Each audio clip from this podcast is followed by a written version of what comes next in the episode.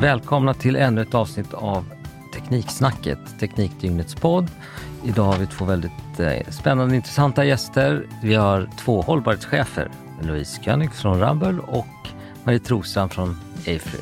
Välkomna! Tack, tack så mycket!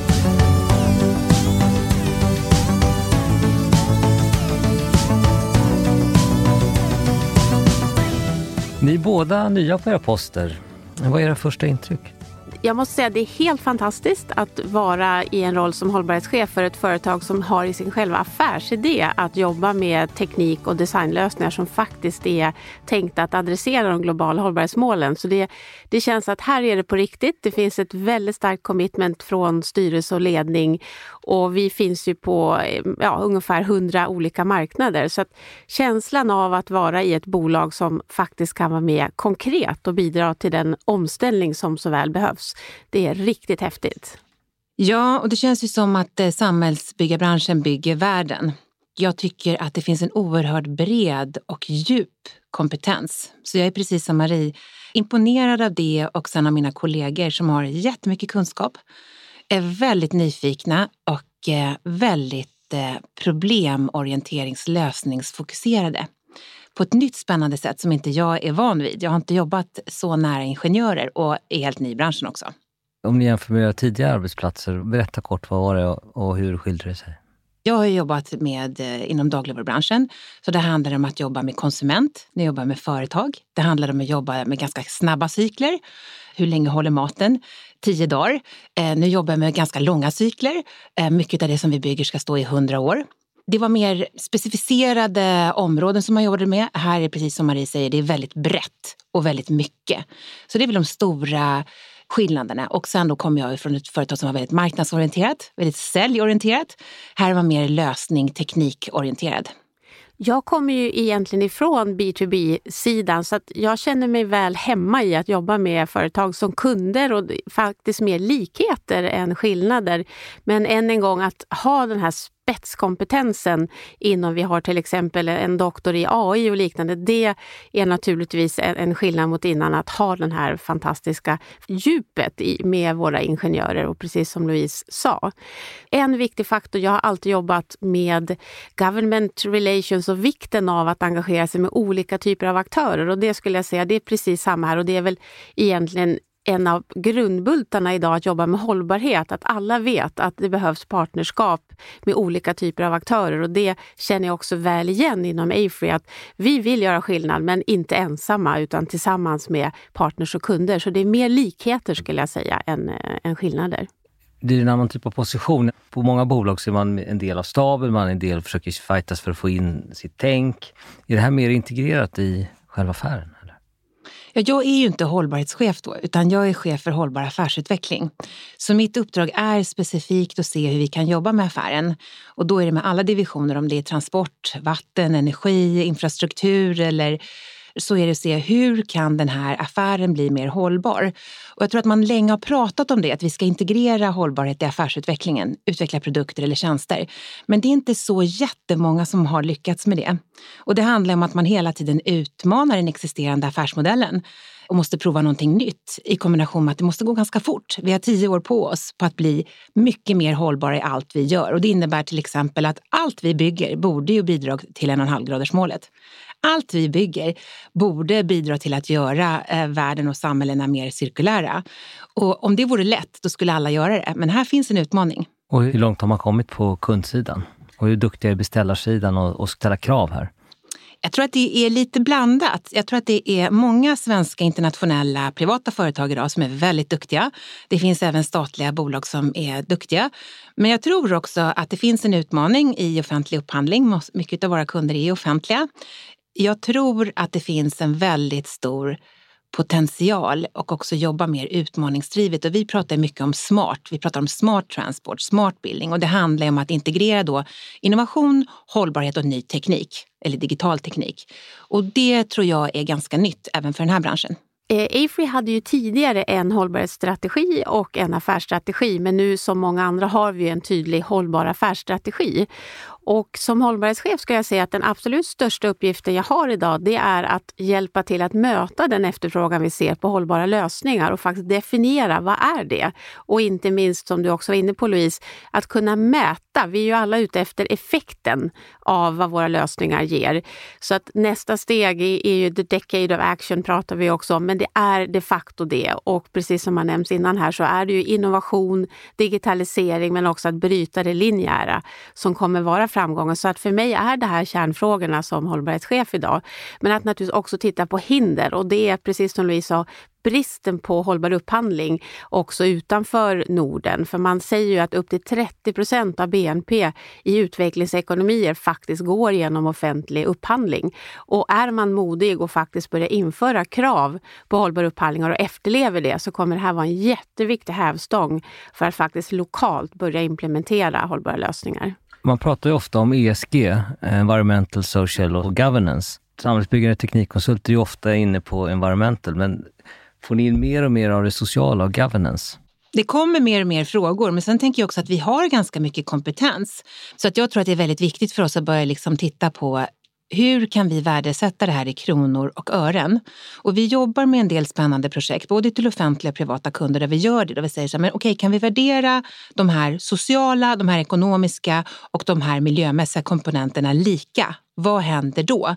Så att vi sätter ett värde på miljön, vi sätter ett värde på klimatet, vi sätter en värde på eh, biologisk mångfald, vi sätter värde på en säker gata, vi sätter värde på tillgänglighet. Om människor inte känner sig säkra eller komfortabla i ett samhälle och geopolitiken går ju lite åt det hållet, då blir det svårt att argumentera för klimatmässiga förändringar eller cirkulära. Så jag tror att vi måste bli mycket duktigare på att få ihop det. Och jag tror inte alltid att vi är bäst i världen i Sverige på det här. Men det finns metoder och tekniker för att göra det. Men vi är ganska omogna i det. Det skulle jag säga att alla branscher är. Men det är främst det sociala och då måste vi sätta människorna och i vårt fall då invånarna och skattebetalarna i centrum för vad det är vi vill skapa. För de är ju egentligen våra kunder och våra kunders kunder. Intressant. Och det där kan jag tänka mig, kanske jag är fördomsfull, men jag kan tänka mig att de yngre ser det här som mycket viktigare frågor än många av de äldre. Korrekt eller? Absolut, det är en jätteviktig fråga. Och jag ska bara kommentera att jag kommer personligen från egentligen bakgrund med social hållbarhet. Och det som vi gör inom Mayfree är att försöka att betona just det holistiska. För även om det är klimatet och 1,5-gradersmålet som är i fokus så kommer vi ju inte komma dit om vi inte har den här rättvisa transformationen. Och där har vi bland annat gått ut och frågat runt 5 000 ungdomar i Norden och ett par andra europeiska länder om vad de faktiskt tror om den framtida staden och, och samhällsbyggande. Och då är naturligtvis hållbarhetsaspekterna, precis det du är inne på här, en av de absolut viktigaste. Och samtidigt som vi ser de globala megatrenderna, att vi får allt fler megastäder med mer än 10 miljoner invånare, så visar vår undersökning att unga faktiskt kommer vilja att flytta, alltså att önskan att flytta från de stora städerna. Så att hålla koll på de sociala trenderna, vi jobbar mycket med trafiksäkerhet och då är naturligtvis också ett tydligt barn och ungdomsperspektiv även där väldigt relevant. Så även om det inte har samma fokus med de sociala aspekterna så är vi nog överens om här att det är, vi kommer inte lyckas med transformationen utan att det har en väldigt stor vikt.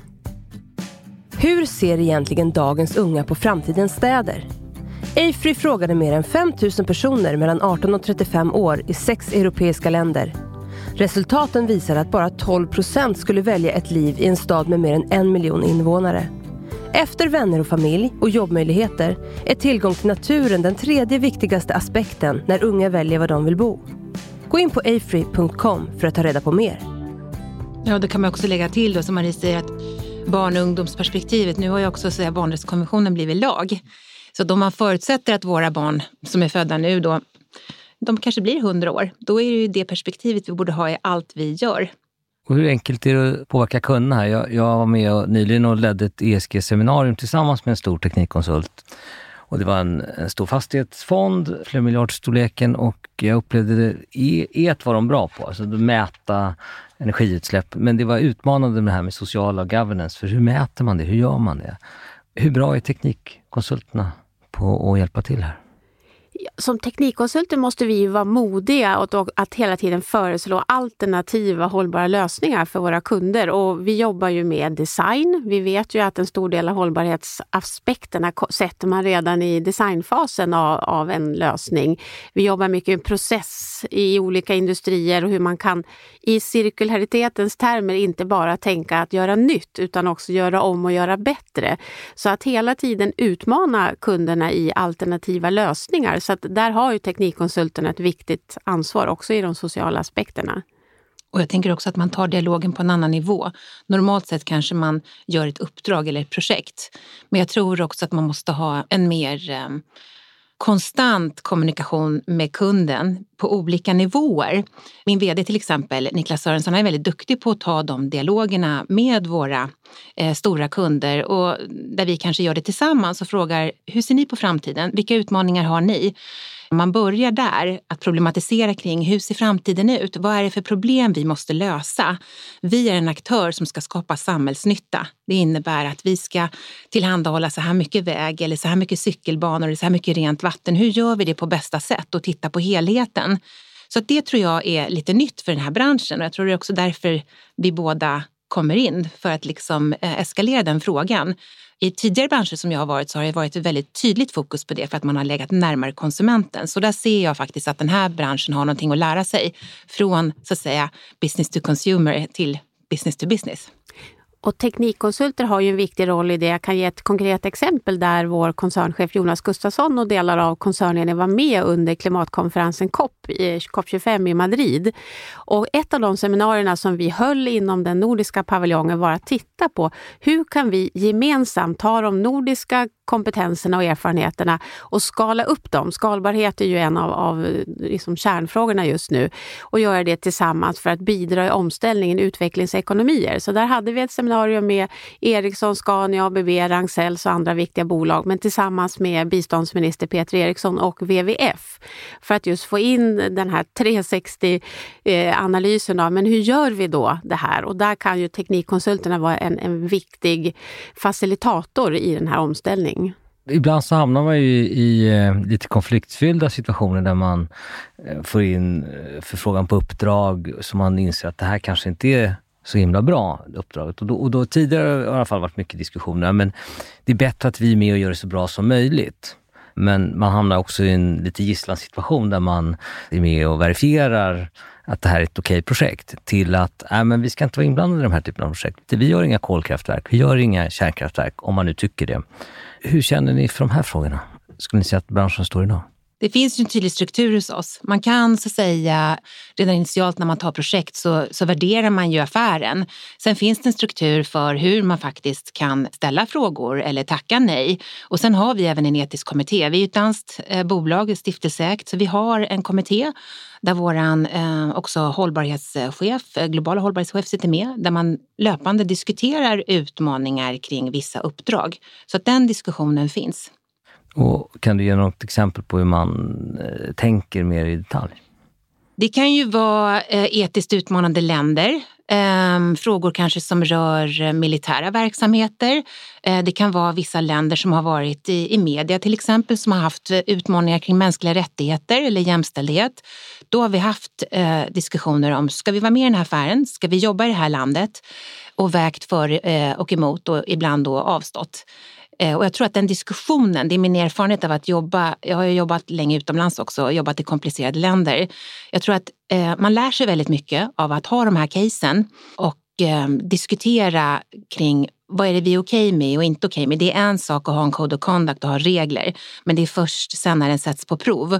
Och jag tror att vi kommer få ännu mer sådana frågor framåt kopplat till säkerhet och demokratifrågor och inte minst kopplat till nya unga medarbetare som har helt andra krav på vår verksamhet, vilket man kan säga vad man vill om. Men de ställer de frågorna både utifrån generella perspektiv och sen när de ska jobba i verksamheten. Så att jag kan inte gå igen på specifika kundexempel men det där kan ändå liksom vägleda att det där är ju liksom ett sätt att hantera frågorna. Att ha en process, en struktur och i det här fallet då en kommitté och att man vet vad man kan vända sig. Att det finns en struktur för att säga ja eller nej till ett projekt. Och ska man ta ner det så att enskilda medarbetare också då får vara med och påverka? Eller jag vill inte vara med i det här projektet? Absolut. Kan man då tolka det som att det kommer bli stramare? Alltså man kommer bli lite tuffare från konsultsidan? Eller är det bara en konjunkturell faktor att nu går det bra så nu kan man råd att säga nej? Från vår sida så har vi precis samma typ av diskussioner. På den strategiska nivån, vi har ju hållbarhet och mod som kärnan i, i vad vi vill uttrycka. Och där är det att vi vill vara med och hjälpa till med omställningen och då hamnar man, precis som Louise sa, också i komplexa miljöer. Så, så det är något vi vill vara med där. Men vi har ju också naturligtvis en tydlig struktur med policies och processer och det finns självklart fall där man säger nej. Det är inget snack om saken, men vi vill snarast föreslå alternativ alternativa lösningar om vi inte tycker att det projektet som är föreslaget faktiskt håller den hållbarhetsstandard som man kan förvänta sig. Så vi vill vara med att försöka förbättra eh, där det är möjligt, men går det inte att uppfylla de krav vi har, självklart säger vi nej då. Upplever ni att det här är en viktig, stor fråga hos er? Jag upplever inte att den eh, diskuteras eh, jättemycket. Jag tror snarare att det som kommer bli utmaningen i framtiden, det är den nya tekniken och hur vi ska förhålla oss till den. Så det blir mer liksom säkerhets, resiliens och demokratifrågor där det kan vara svårt att se hur tekniken slår. Därför vi har inte kunskap om det och de som eh, utvecklar tekniken och ser inte heller liksom riktigt var kommer det här landa. Jag tänker bara en sån enkel fråga, Jag tittade nyligen på vilka funktioner AI kommer ta över, till exempel inom vård Okej, men då kommer de här människorna bli sysslolösa. Ska de leva på någon form av medborgarlön och gå omkring i vårt samhälle då? Kommer man uppleva att man är behövd? Kommer man uppleva att det är någonting som man trivs med? Vi har liksom inte riktigt gått igenom den diskussionen. Är det teknik för teknikens skull? Där säger ju Ramboll eh, redan från eh, så att säga, urkunden och stiftarna att liksom, vi ska inte utveckla teknik för teknikens skull. Men med den digitala tekniken ibland så kan man ju ställa sig frågan, är det här faktiskt någonting som nyttjar samhället? Är det här någonting som nyttjar individen? Och där tror jag att vi kan komma in i situationer där vi får uppdrag eller jobbar i samarbeten där man inte har haft de här eh, frågeställningarna tidigare. Den tror jag kan bli utmanande. Ja, det är jätteintressant och det tar ju in, antar jag, teknikkonsulter samspel på en helt annan spelplan än vad man är van vid. Ja, därför att man har kompetensen. Men hur slår den mot människan? Hur slår den mot etiken? Det vet vi inte riktigt. Och just det här gör att vi även från vår sida diskuterar de här frågorna väldigt mycket, men mer utifrån, vi vill alla få till den här omställningen. Men hur gör man det med, med effekten? Så att att vara en modig och aktiv partner i det, vad betyder det egentligen? Så att det där är något vi pratar väldigt mycket om för att kunna mäta också vår, vår impact.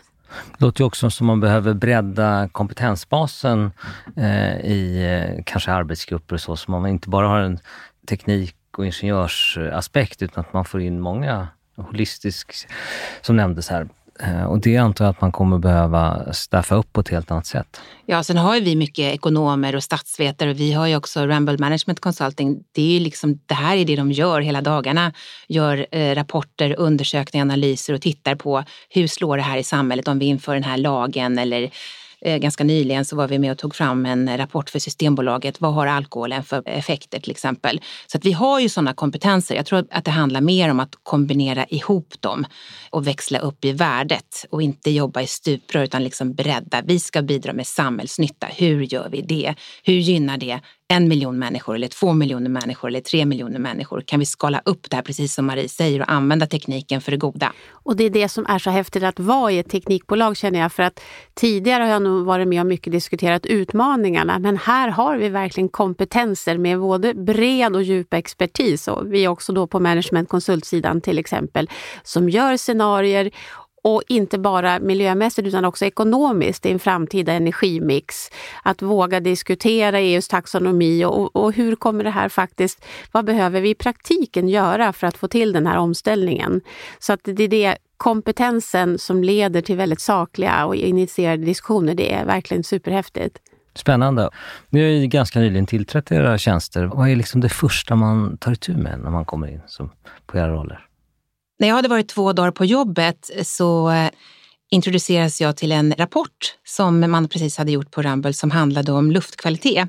Och den var kopplad till att man hade gjort studier och tittat på vad människor värdesätter i sin närmiljö.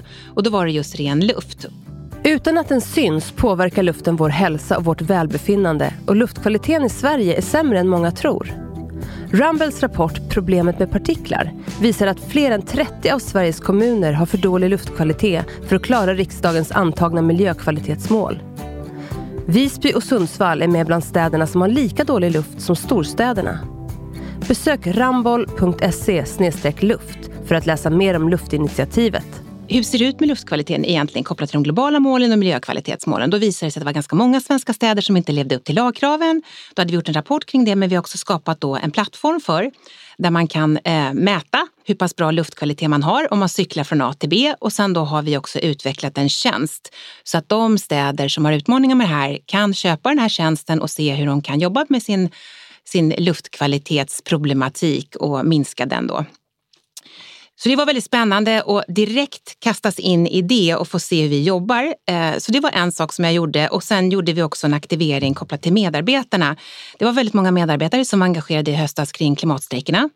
Så vi initierade ett program som vi kallade för Act for Future Generations där vi istället eh, sa så här, eh, vi går inte ut och strejkar men vi initierar en lunch som vi bjuder på och får ihop de olika divisionerna och lunchar tillsammans och prata om x antal utmaningar som vi har internt vår direkta påverkan på klimatet och externt, hur kan vi hjälpa kund?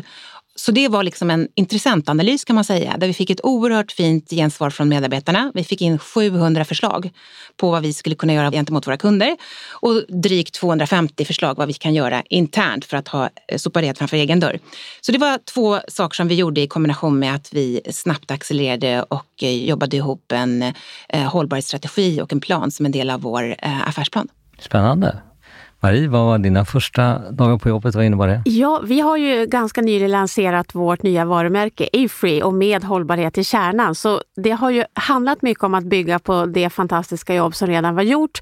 Men jag skulle nog säga tre huvudområden. Det strategiska, att verkligen bestämma oss för att vi har så mycket kunskap så vi vill vara med, till exempel under kommande klimatkonferenser också, och dela med oss och tillsammans med andra faktiskt använda den här kunskapen. Så det har varit en del och också ett av de projekt som jag verkligen hugg tag i direkt när jag kom in. Det andra har varit att vi ser ju en ökad efterfrågan på hållbara lösningar. Men vad innebär det här? Kvantifiera nyttan och börja också titta på att paketera de här erbjudandena. Och det tredje är vi egentligen, som Louise också var inne på, Walk the Talk. Och där har vi bland annat en intern innovationsplattform med ett acceleratorprogram och där vi då försöker få in hållbarhet tydligt. Vi har ganska nyligen avslutat en utmaning kring vatten och har precis lanserat en ny kring AI och resurseffektivisering. Så det här att jobba på olika, både strategiskt, operativt och även i det interna medarbetarengagemanget, det är väl det som jag har börjat med. Har ni många runt omkring er som stöttar upp eller är ni, missionerar ni i verksamheten? Hur ser det ut? För min del är det just det här att det är stöd från styrelse och koncernledning på ett helt fantastiskt sätt och kollegor varje, varje dag som hör av sig och vill och har så mycket insikter och kompetens. att det förstärks säkert av tiden att vi faktiskt har gått från filantropi till att nu är det här på riktigt. Men fantastisk drivkraft och det är verkligen jättehäftigt. Och jag jobbar tillsammans med min kollega Anna Essehag och vi är ju då en stabsfunktion och går in på tvärsen i alla divisioner. Så det är så vi jobbar. Så vi jobbar med de befintliga resurserna och sen jobbar vi även då med vårt eh, så att säga, huvudkontor, våra danska kollegor, där vi jobbar eh, globalt och tittar på vad har vi de bästa resurserna inom cirkularitet eller klimat eller vatten och använder den kompetensen. För precis som eh, Maria också sa, vi har ju väldigt bred och väldigt djup kompetens. Så det finns ju nästan någon på forskar eller PhD-nivå inom alla områden. Vi tror i alla fall många att vi i Sverige ligger långt fram. Hur slår vi oss i relation till eh, internationellt? Ni båda är verksamma i internationella bolag. Min bild är att vi ligger väldigt långt framme men att på något sätt räcker ju inte det utan ska vi få till den här förändringen så måste vi ju hjälpa till att få omställningen på just på den globala nivån. Om man tittar på Rambles verksamheter globalt så finns det ju vissa länder som är, ligger framme inom vissa områden. Och det gör ju också att vi kan hjälpa våra kunder och erbjuda den spjutkompetens som finns i ett specifikt land som vi kanske inte har i Sverige det finns väldigt mycket duktiga konsulter alltså i den här delen av konsultbranschen, samhällsbyggarbranschen tycker jag, som är duktiga på hållbarhetsfrågorna. Men jag tycker väl inte riktigt att om man tittar på den eh, konkurrentanalys som vi har gjort, och då tittar jag globalt, att det finns någon som verkligen har liksom fått ihop det här med så att säga miljömässig, social och ekonomisk hållbarhet för att bygga mer hållbara samhällen och möta allt fler 10 miljoner städer i synnerhet i ganska utmanande länder. Om vi tittar på liksom den kontinent som, där städerna kommer växa snabbast, så är det liksom den afrikanska kontinenten. Där vi kanske 20, 45, 50, 60 kommer ha ett lag och ett Dar es Salaam som har 70 till 80 miljoner invånare. Hur ska vi lösa det? Det finns enorma utmaningar. Så där tror jag att vår typ av bransch har väldigt mycket att bidra med och verkligen måste bidra med att föreslå proaktiva lösningar. Då tror jag att den svenska modellen och det sättet som vi har jobbat med, för att vi har stora internationella företag som aktivt har börjat jobba med klimatfrågorna och hållbarhetsfrågorna och liksom också SDG-ramverket, de här 17 globala målen. Men nu handlar det om att gå ner i de här 169 delmålen och också börja titta på om man jobbar med det ena utav de här 169 delmålen, vad händer då på de tre andra och hur förhåller sig de till varandra? Eh, så det tror jag liksom är ett, ett paradigmskifte i kombination med tiden som kan göra mig sömnlös ibland. Vi har väldigt ont om tid för att accelerera hållbara lösningar fram till 2030. Är kundsidan redo här skulle ni säga eller måste ni ut och missionera och övertyga kunden om att de ska beställa andra saker än vad de faktiskt gör?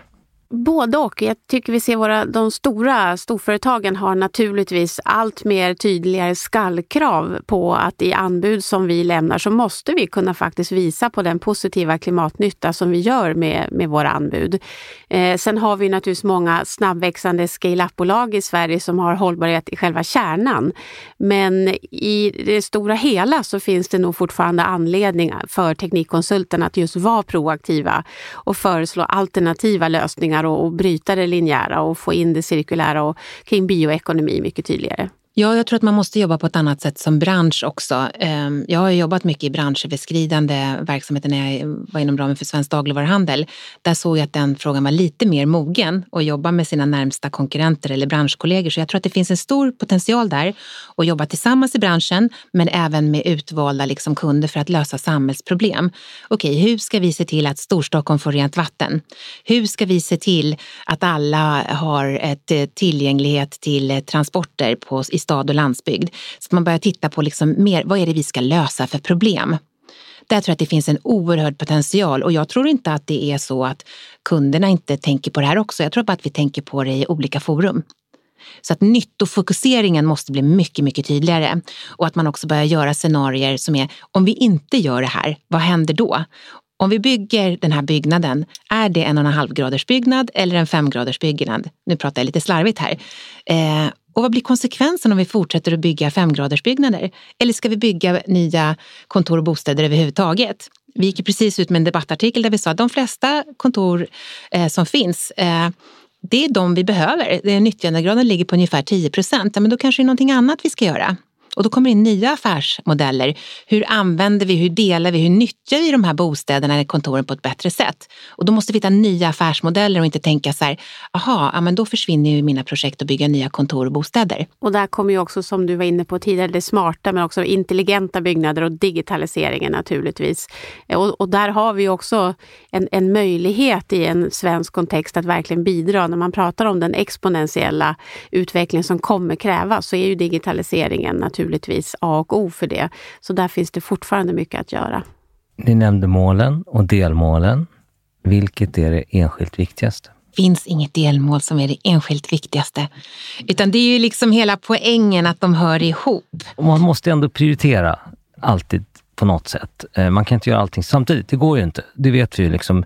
Elbilar åker omkring med litiumjonbatterier som har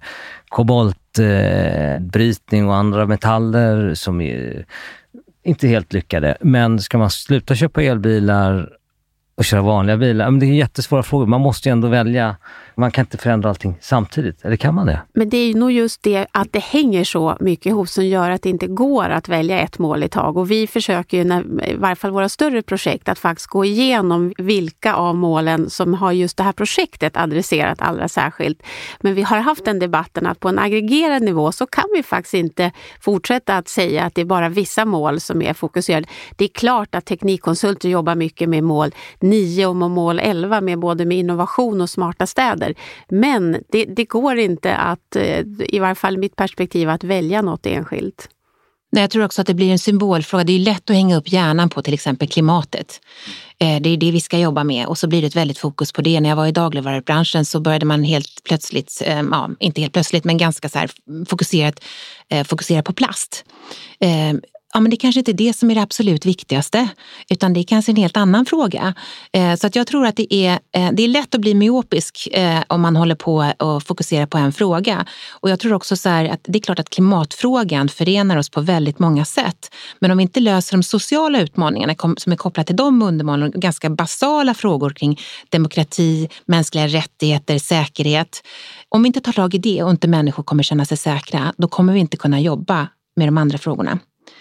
Vi måste se till helheten och göra det tydligare och visa på om vi drar den här tråden, då händer det här.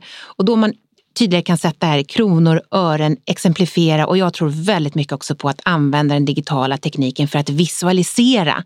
För de här frågorna är osynliga, de är så svåra att förstå och vi är så kompetenta och tekniskt kunniga. Kanske människor som är i ledande ställning eller vanliga medborgare, de förstår inte konsekvenserna. För det handlar ju verkligen om att för att det ska bli någon omställning måste vi ha en beteendeförändring. Det är ju till syvende och sist det, den liksom kulturella aspekten av det. Vi måste ändra vårt sätt att... Eh, Jag lyssnade bland annat på FNs generalsekreterare som invigde COP25 och han sa ju det att liksom en transformation, men det gäller hur vi lever, hur vi bor, hur vi transporterar. Det är ju alla livets delar. Vi måste ändra hur vi lever och det, då behöver vi ett holistiskt synsätt. Det var väl talat för att vi inte skulle välja ett mål. Eh, jag ska inte pressa på det. Men eh, då blir utmaningen eh, det att missionera om det holistiska. Det ställer också väldigt mycket nya utmaningar. Så, men det tror jag inte vi kommer att lösa här och nu.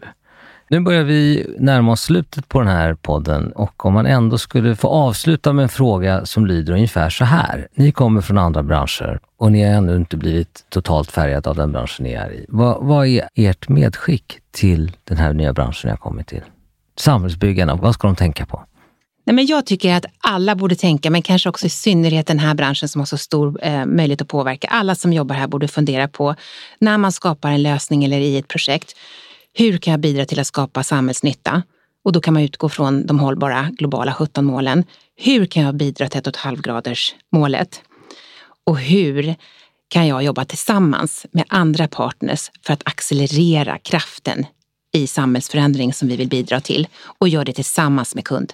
Jag skulle vilja säga att för att få till en och en halv graders målet så måste vi jobba också med den cirkulära ekonomin. Det är väldigt viktigt att i alla sammanhang ha med de olika principerna kring cirkulär ekonomi. Både att förbättra befintliga processer men att också skapa helt nya sätt att arbeta. Så det är en första punkt. Det andra är att vi måste göra det här i partnerskap. Ingen kommer lösa det här själv. Vi har olika typer av aktörer med digitalisering och innovation i kärnan men som gör det tillsammans. Och det tredje är det holistiska humanistiska väldigt tydligt också när det gäller samhällsbyggande. Att vi måste ta in de sociala aspekterna för att få till en hållbar förändring. Tack för dessa kloka ord och till er samhällsbyggare, teknikkonsulter där ute, glöm inte det här. Jag skulle vilja tacka er för den här otroligt intressanta eh, diskussionen och jag hoppas vi får fortsätta den vid ett annat tillfälle. Tack snälla. Tack så jättemycket. Tack ska du ha. Det här avsnittet av Tekniksnacket har gjorts i samarbete med Afry och Rambell.